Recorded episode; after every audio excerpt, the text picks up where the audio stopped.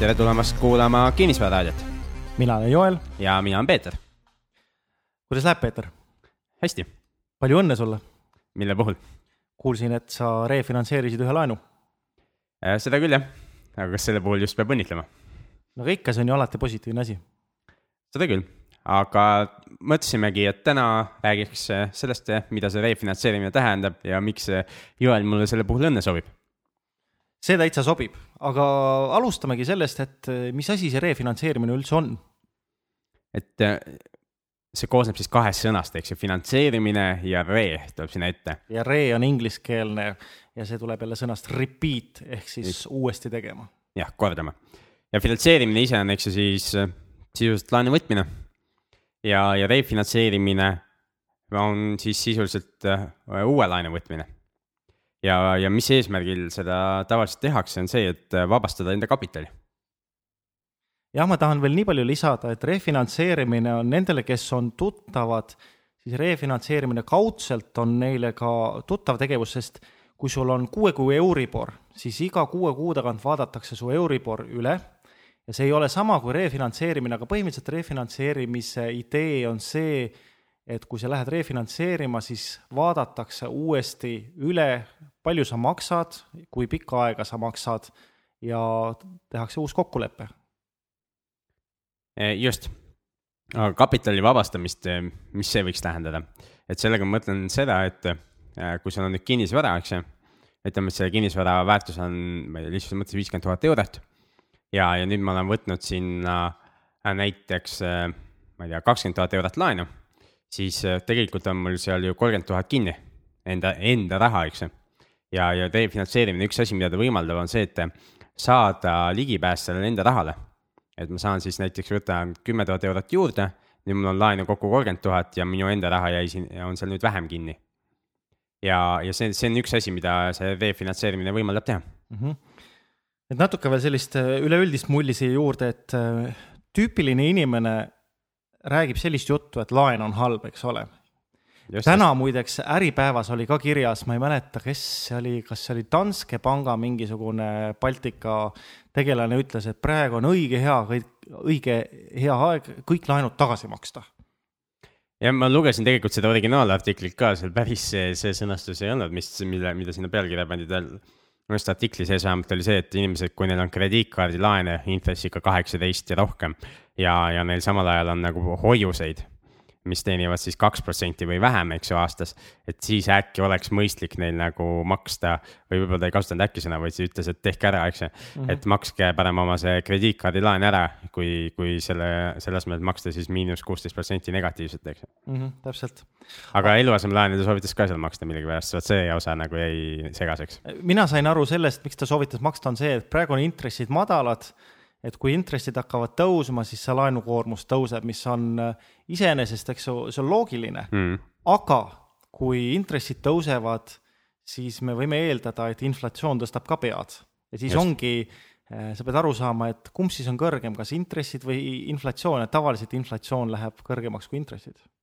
just, ja praegu on ju ka inflatsioon kõrgem kui intressid. aga tulles tagasi selle teema juurde, siis äh, et et ma ütlesin, et enamus inimesed äh, mõtlevad, et laen tuleb tagasi maksta ja tegelikult inimesed ongi laene maksnud tagasi ja nüüd nad elavad siis oma kodus ja nad on rõõmsad, et näed, et mul enam laenu pole. või et mul on väiksem laen nüüd.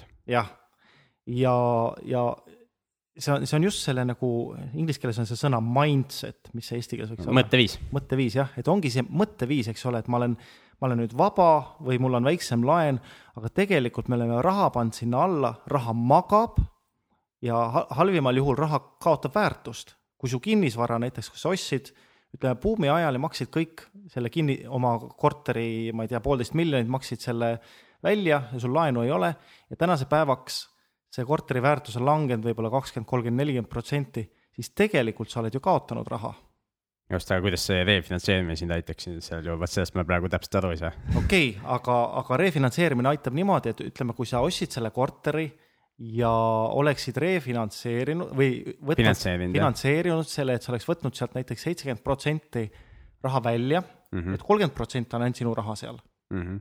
siis tegelikult sina oleksid kaotanud ainult sellest kolmekümnest protsendist mingisuguse osa no või see oleks juba tänaseks täiesti kadunud ja su laenujääk oleks suurem kui, kui selle kinnisvara väärtus. nojah, aga see ongi siis oleneb, et mis sa selle rahaga teed, mis sa välja võtsid. just.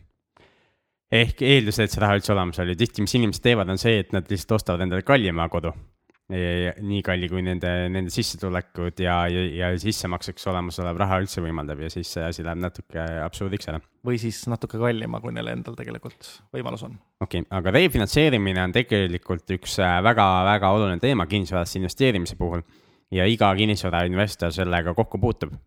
Äh, need, kes siis vähemalt äh, hoiavad oma kinnisvara pikemat aega, et need, kes ostavad seda, renoveerivad ja kohe müüvad, eks ju, siis ne, ne, nemad tavaliselt jälle refinantseerimisega kokku ei puutu, sest nad juba realiseerivad selle asja enne.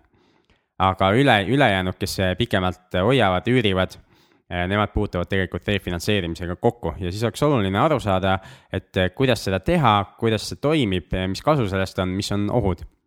ja, ja siit võikski edasi liikuda, ehk refinantseerimine, miks see oluline on mulle kui kinnisvarainvestorile, on see, et ma saan kapitali vabastada.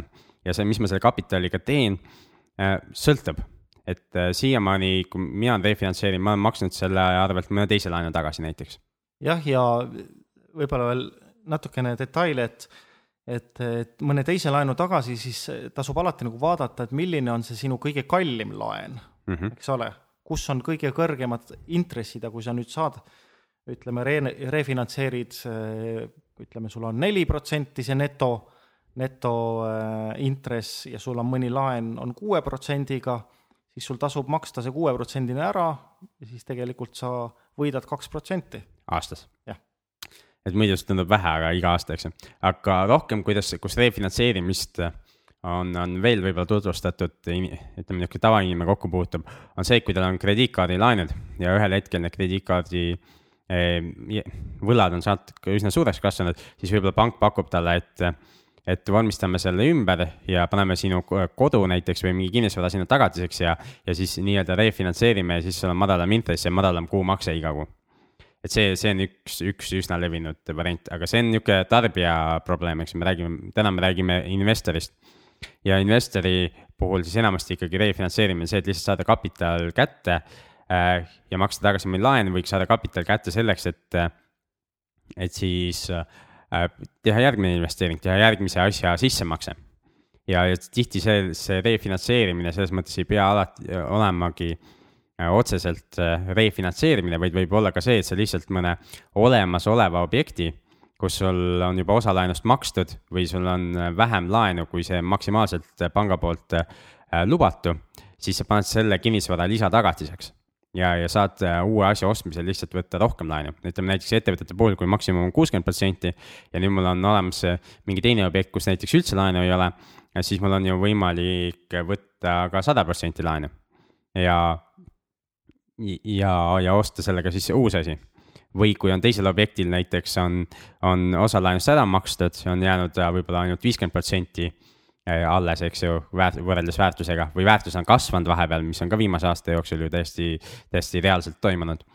Äh, siis, siis ma tahan seda väärtuse kasvu või siis seda tagasimakset uuesti välja, äh, välja laenata ja see, see võib ka juhtuda siis läbi selle, et, et ma panen selle lisatagatiseks teisele objektile ja tänu sellele saan suurema laenu ja refinantseerimist ju põhimõtteliselt võib teha iga kell, et sul ei pea olema see laen täielikult makstud, see võib olla niimoodi, et sa oled näiteks aasta või kaks oled maksnud mm -hmm. ja, ja on jälle raha vaja, siis lähed panka ja, ja, ja teed siis uue lepingu. ja refinantseerida saab üks kinnisvara, teine asi tegelikult, mida saab refinantseerida, on autod. et autoliising autoliisingut just, et liisingusse saab võtta ju autot kuni kaheteist aasta vanust aga tihti, kui inimene ostab oma auto, siis tal on viis aastat on äh, liisinguperioodid enamasti. ja ütleme, et sa oled selle kõik ära maksnud või, või, või võib-olla ei olegi kõike veel ära maksnud, siis on tegelikult võimalik äh, pöörduda uuesti liisingettevõtte poole ja, ja, ja võtta nagu lisalaenu selle, selle auto tagatisel ja hakata uuesti seda, seda liisingut siis äh, maksma. ja saades siis kohe mingi suurema summa kätte, eks ju. ja kuidas ma ise nagu kasutanud olen refinantseerimist ma ütlesin, et, et ma võtsin siis uue laenu selleks, et maksta eelmine tagasi. ja üks asi on see, et uus laen on nagu madalama intressiga. aga teine asi on see, et ma, minu strateegia on nagu olnud, olnud see, et ma, kui ma ostan midagi, siis ma kasutan eraisiku laene.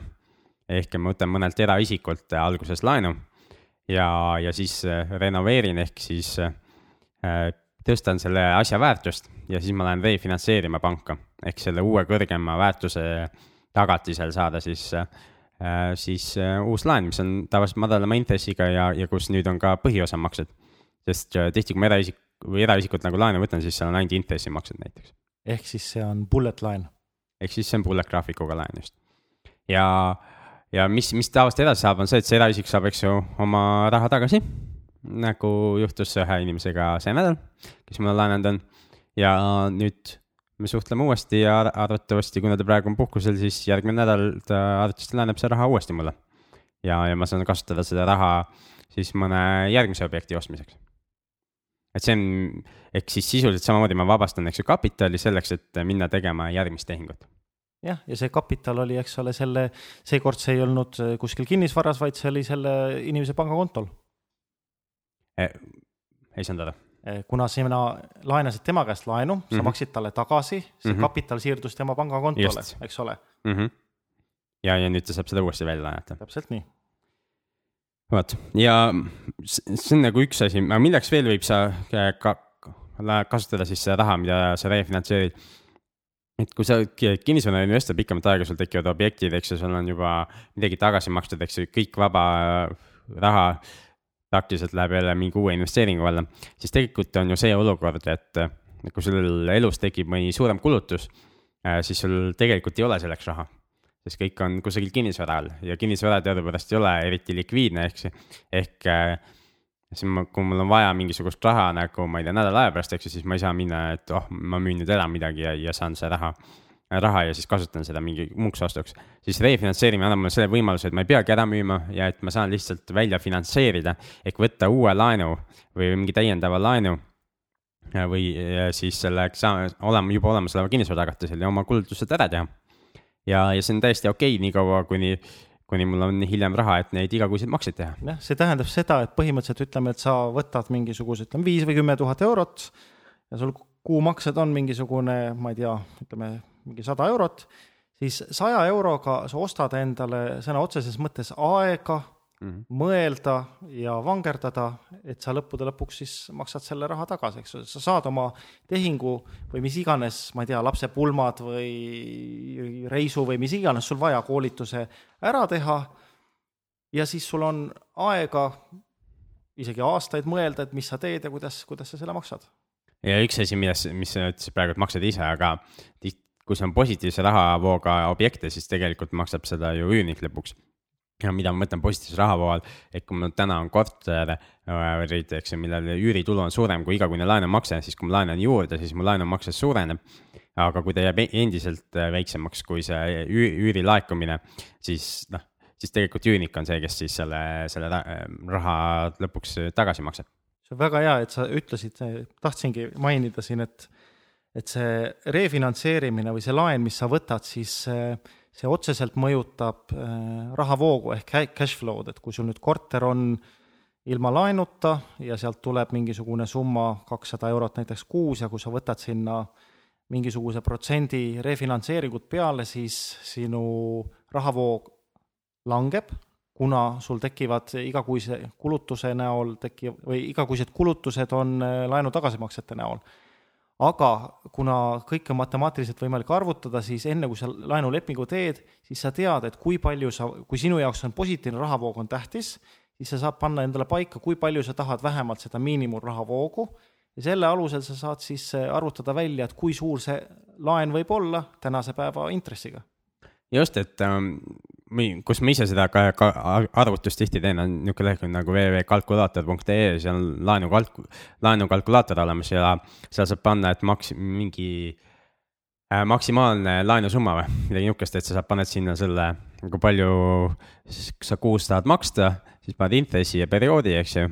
ja, ja siis ta annab sulle selle summa, et kui palju see siis, siis laenu võiks võtta, et, et selline kuumakse tuleks tänapäeval on paljudel inimestel on juba nutitelefonid et nendel on ka võimalusi, on võimalik rakendusi laadida alla netist, et minul on ka paar erinevat kalkulaatorit, et alati ei ole seda, seda taskuarvutit või lauaarvutit käepärast, siis oleks hea, et kui sa käid objekti peal või mis iganes, sul tuleb kuni, mingisugune hetk tuleb mõte, siis on kohe sul kalkulaator on taskus olemas ja saad selle välja arvestada. jah, ja mul on ka telefonis olemas selline, selline kalkulaator, et kuigi mul on äh, Nokia telefon, mis on niisugune väljasurev nähtus, siis äh, Symbiani platvormil oli ka mingi kaks eurot vist maksis, et sai, sai osta mingi programmi. ja, ja nüüd, kui ma kusagil olen teel või mõtlen äh, mõtlen mingeid asju, siis toksin oma numbrid jälle sisse, eks ju. ja, ja siis saan sealt võtta, palju oleks kuumakse või palju saaks maksimaalselt laene või, või kõiki niisuguseid asju saan nagu kiirelt äh, arvutada. ja siis teha otsuse, et kas äh, tasub selle, mis iganes probleem parasjagu käsil on või mõttes on edasi tegeleda või, või näitab juba ka see lihtne arvutus ära, et, et sellel ei ole mingit perspektiivi nüüd üks äh, refinantseerimise niisugune alaliike on ülefinantseerimine ülefinantseerimine, kuidas võimalik üle finantseerida? ülefinantseerimine tähendab seda, et, et kui meil on näiteks korteri väärtus, ütleme, et on viiskümmend tuhat, eks ju, siis ma selle korteri tagatise äh, võtan äh, laenu, ma ei tea, kuuskümmend tuhat näiteks.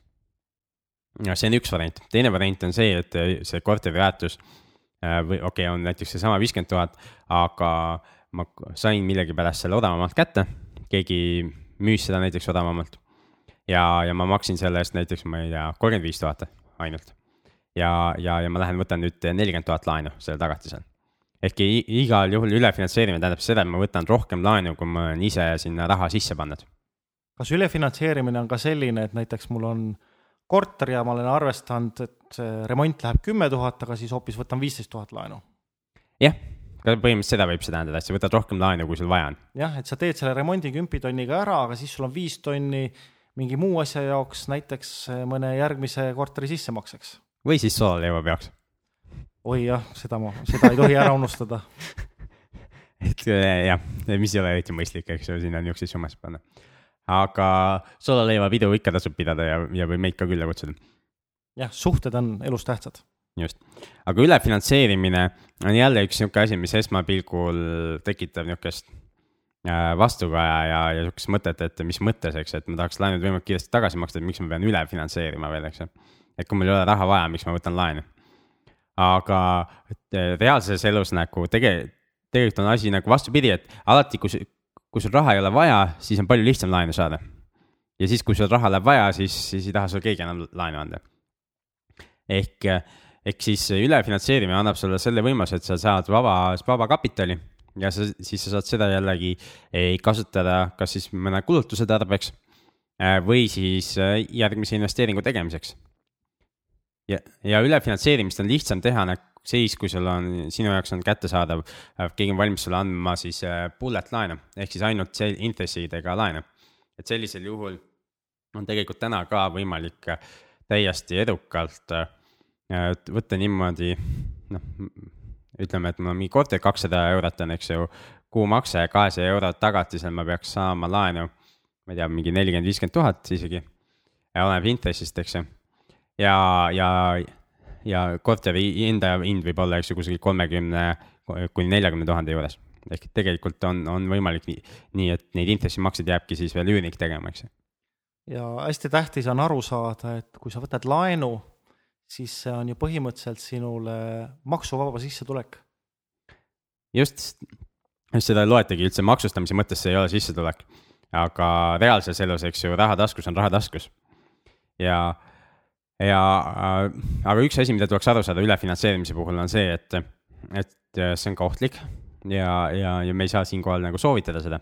saame öelda, et kui sa saad, saad aru, mis see on ja kuidas seda kasutada, siis see on üks võimalus aga me mitte mingil juhul nagu ei soovita seda sest äh, see tähendab seda, et kui sa selle objekti peaksid ära müüma, siis sellest müügist saadavast rahast ei piisa selle laenu tagasimaksmiseks. ja kui sa selle raha lihtsalt ära kulutasid, siis, siis sa oled ennast väga-väga halba olukorda pannud. ja paneme nüüd äh, perspektiivi, ütleme, et äh, oli selline suurem tehing, et, et objekti väärtus viiskümmend tuhat, saidki laenu näiteks kuuskümmend või seitsekümmend tuhat ja nüüd sa müüd selle objekti ära, sa saad selle viiskümmend tuhat, maksad selle laenu ära ja mis, ütleme, et sul oli siis see kuuskümmend tuhat oli see mm -hmm. laen tegelikult. kümme tuhat jääb veel veel.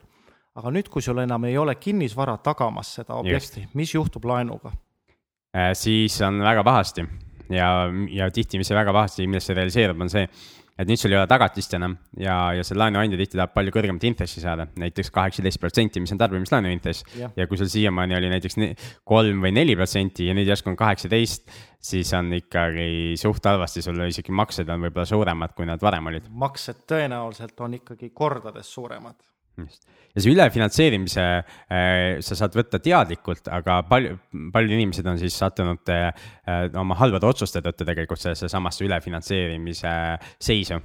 ja ehk kui nad ostsid näiteks buumi ajal ostsid omale korteri ja võtsid siis laenu. Ja, ja täna on näiteks korteri väärtus vähem kui, kui, kui see laenujääk, siis nad tegelikult on selles samas ülefinantseerimise situatsioonis aga seal nad ei ole siis nagu teadlikult nagu kinnisvarainvestorid tihti selle, selle ütleme, see riski võtavad, vaid, vaid siis oma halbade otsuste tulemusena.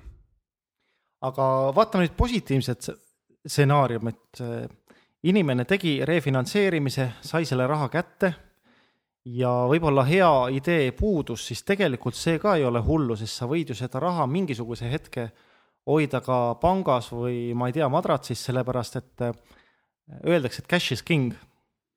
Äh, just, et äh, mis see annab sulle, üks asi, ta annab sulle niisuguse turvatunde, et sul on tegelikult mingi raha kontol olemas, et äh, teha makseid ja ka katta ootamatuid kulutusi, eks ju, aga teine asi on see, et kui sul on vaba raha ja kui sa otsid tehinguid, siis varem või hiljem sa leiad mõne, mõne hea võimaluse, kus midagi pakutakse müügiks ja selle müügiga on kiire ja kuna sinul on vaba raha olemas, siis, siis sa saad selle ostu kohe ära sooritada ja, ja selle tõttu saad äh, asja odavamalt kätte. jah, et me siin praegu Peetriga loeme ühte väga huvitavat raamatut nimega Equity Happens mm. -hmm. ja, ja seal on ka toodud selliseid praktilisi näpunäiteid, kuidas, kuidas äh, asju libedamalt ajada ja Ameerikas, eks ole, tänase päevani kasutatakse tšekke, Eestis mm -hmm. vist enam ei kasuta, ma ei tea, kas Eestis pole kunagi tšekid kasutusele olnudki, et see etapp jäi, jäi vahele küll on neid võimalik saada põhimõtteliselt pangas, kui sa lähed pangakontorisse ja ütled, et sa tahad tšeki raamatut saada, siis, siis, siis kui võib-olla telleril jookseb juhe kokku, aga kui ta vaatab äh, panga pakutavate teenuste nimekirja, siis ta tõesti leiab sealt sellise asja, et nad väljastavad niisugust asja nagu tšeki raamat. jah, ja mu point oli see, et Ameerikas näiteks äh, kasutatakse sellist tehnikat, et kui sa lähed, eks ole, korterit vaatama, äh, kõik on tipp-tops korras, sulle meeldib, siis sa kirjutad välja tšeki, et näed, et siin on näiteks äh, kümme, viisteist, kakskümmend, mis iganes protsenti selle korteri väärtusest. kuna mm -hmm. ma olen tõsine ostja, siis näed, ma annan selle tšeki teie kätte, kui me nüüd teeme kohe tehingu, eks ole. või noh mm -hmm., lööme käed, et hakkame tehingut tegema mm. -hmm. sest Eestis nagu seda põhimõtteliselt sellist äh, tehnikat ei kasutata. siiski on ju olemas sissemakse, eks, et sõlmitakse see eelplaneerimisleping ja makstakse mingisugune summa siis enamasti sularahas ära, eks ju ja kui seal midagi halvasti või valesti läheb, siis, siis selle tagasisaamise tõenäosus on ütleme väike. seda ma ei soovita, sest ma tean, et ühel mu sõbral juhtus selline asi, et tema tegi ka sissemakse sellele omanikule ja kahjustas seda omanikku ega oma raha enam kunagi ei näinud ja samas see on nagu igapäevapraktika, et selliseid sissemakseid tehakse, eks tihti läheb see maakleri kätte, eks aga kui maakler on veel suurem pätt kui see omanik, eks ju, siis jah, maakler ja omanik võivad olla ju ka tuttavad. aga tegelikult eh, selle jaoks on ka rohi olemas. on eh, notari deposiit. just, notari deposiiti saab ka maksta. aga eh, mis mu enda kogemus on, on see, et ikkagi, kui on hea hinnaga midagi, midagi saada, eks ju, ja seal on kiire, siis siis, siis sa tahadki, võtad selle riski ja annad näiteks selle viissada eurot sinna ära, eks ju, ja kui jääd ilma, jääd ilma, eks ju, aga, aga kui tehing nagu eh, toimubki, siis sa oled tegelikult midagi väga hea hinnaga saanud ostetud. jah, eks äh, kogemus õpetab. just. aga mis, mis sa arvad, kui äkki siin ütleks välja selle, et, et oleks tore, kui inimesed saadavad oma, oma kogemusi ja ka küsimusi meile saatesse, et siis me saame need kokku korjata ja panna ühe saate kokku nendest just, et see on hea mõte, et kui te tahate äh, midagi küsida või, või ei taha ka, aga mõelge välja siis, mida võiks küsida või millest me võiks veel rääkida. jah, mis oleks huvitav. ja võite jagada ka mingisuguseid enda probleeme või situatsioone ja, ja küsida, et mis meie mõtted on sel-, kuidas meie selles situatsioonis käituks. ja, ja me saame anda mõtteid, nagu Joel on korduvalt öelnud ja, ja võib-olla tasub ülekordamist, et me ei anna siin saates nõuandeid et me ei tea, mis on sinu situatsioon ja, ja, ja kui ma annaks sulle lihtsalt nagu siin saates nagu nõuannet, ilma et me teaks sinu situatsiooni, siis äh, oleks nagu veits tobe, sellepärast et ja, ja teiseks vist äh, isegi pahatahtlik jah, kui mitte enamat ja, ja sellepärast äh, ei, ei tasu nagu võtta see, mida me räägime nagu nõuandena, et nii tehkegi. aga meie eesmärk on jagada siis mõtteid ja ideid, et mida saab teha või mida keegi teine on teinud. ja kui sa kirjutad meile mõnest enda situatsioonist või probleemist, äh, siis me saame jagada neid mõtteid, mis meil tekivad seoses sellega. jah, ja äkki siis on ka kuulajate hulgas selliseid inimesi, kellel on samad probleemid kas tekkimas või tekkinud, siis äh, oleks ju jõle tore, kui äh, kui oleks sellest abi suuremale ringkonnale. just nii. aga sellega vist võikski tänase saate kokku võtta. ja kordan veel meie emaili aadressi ka üle. See on saade at kinnisvararaadio.ee. et saade at kinnisvararaadio.ee on meie meili aadress, aitäh kuulamast ja kohtumiseni järgmine nädal. kohtumiseni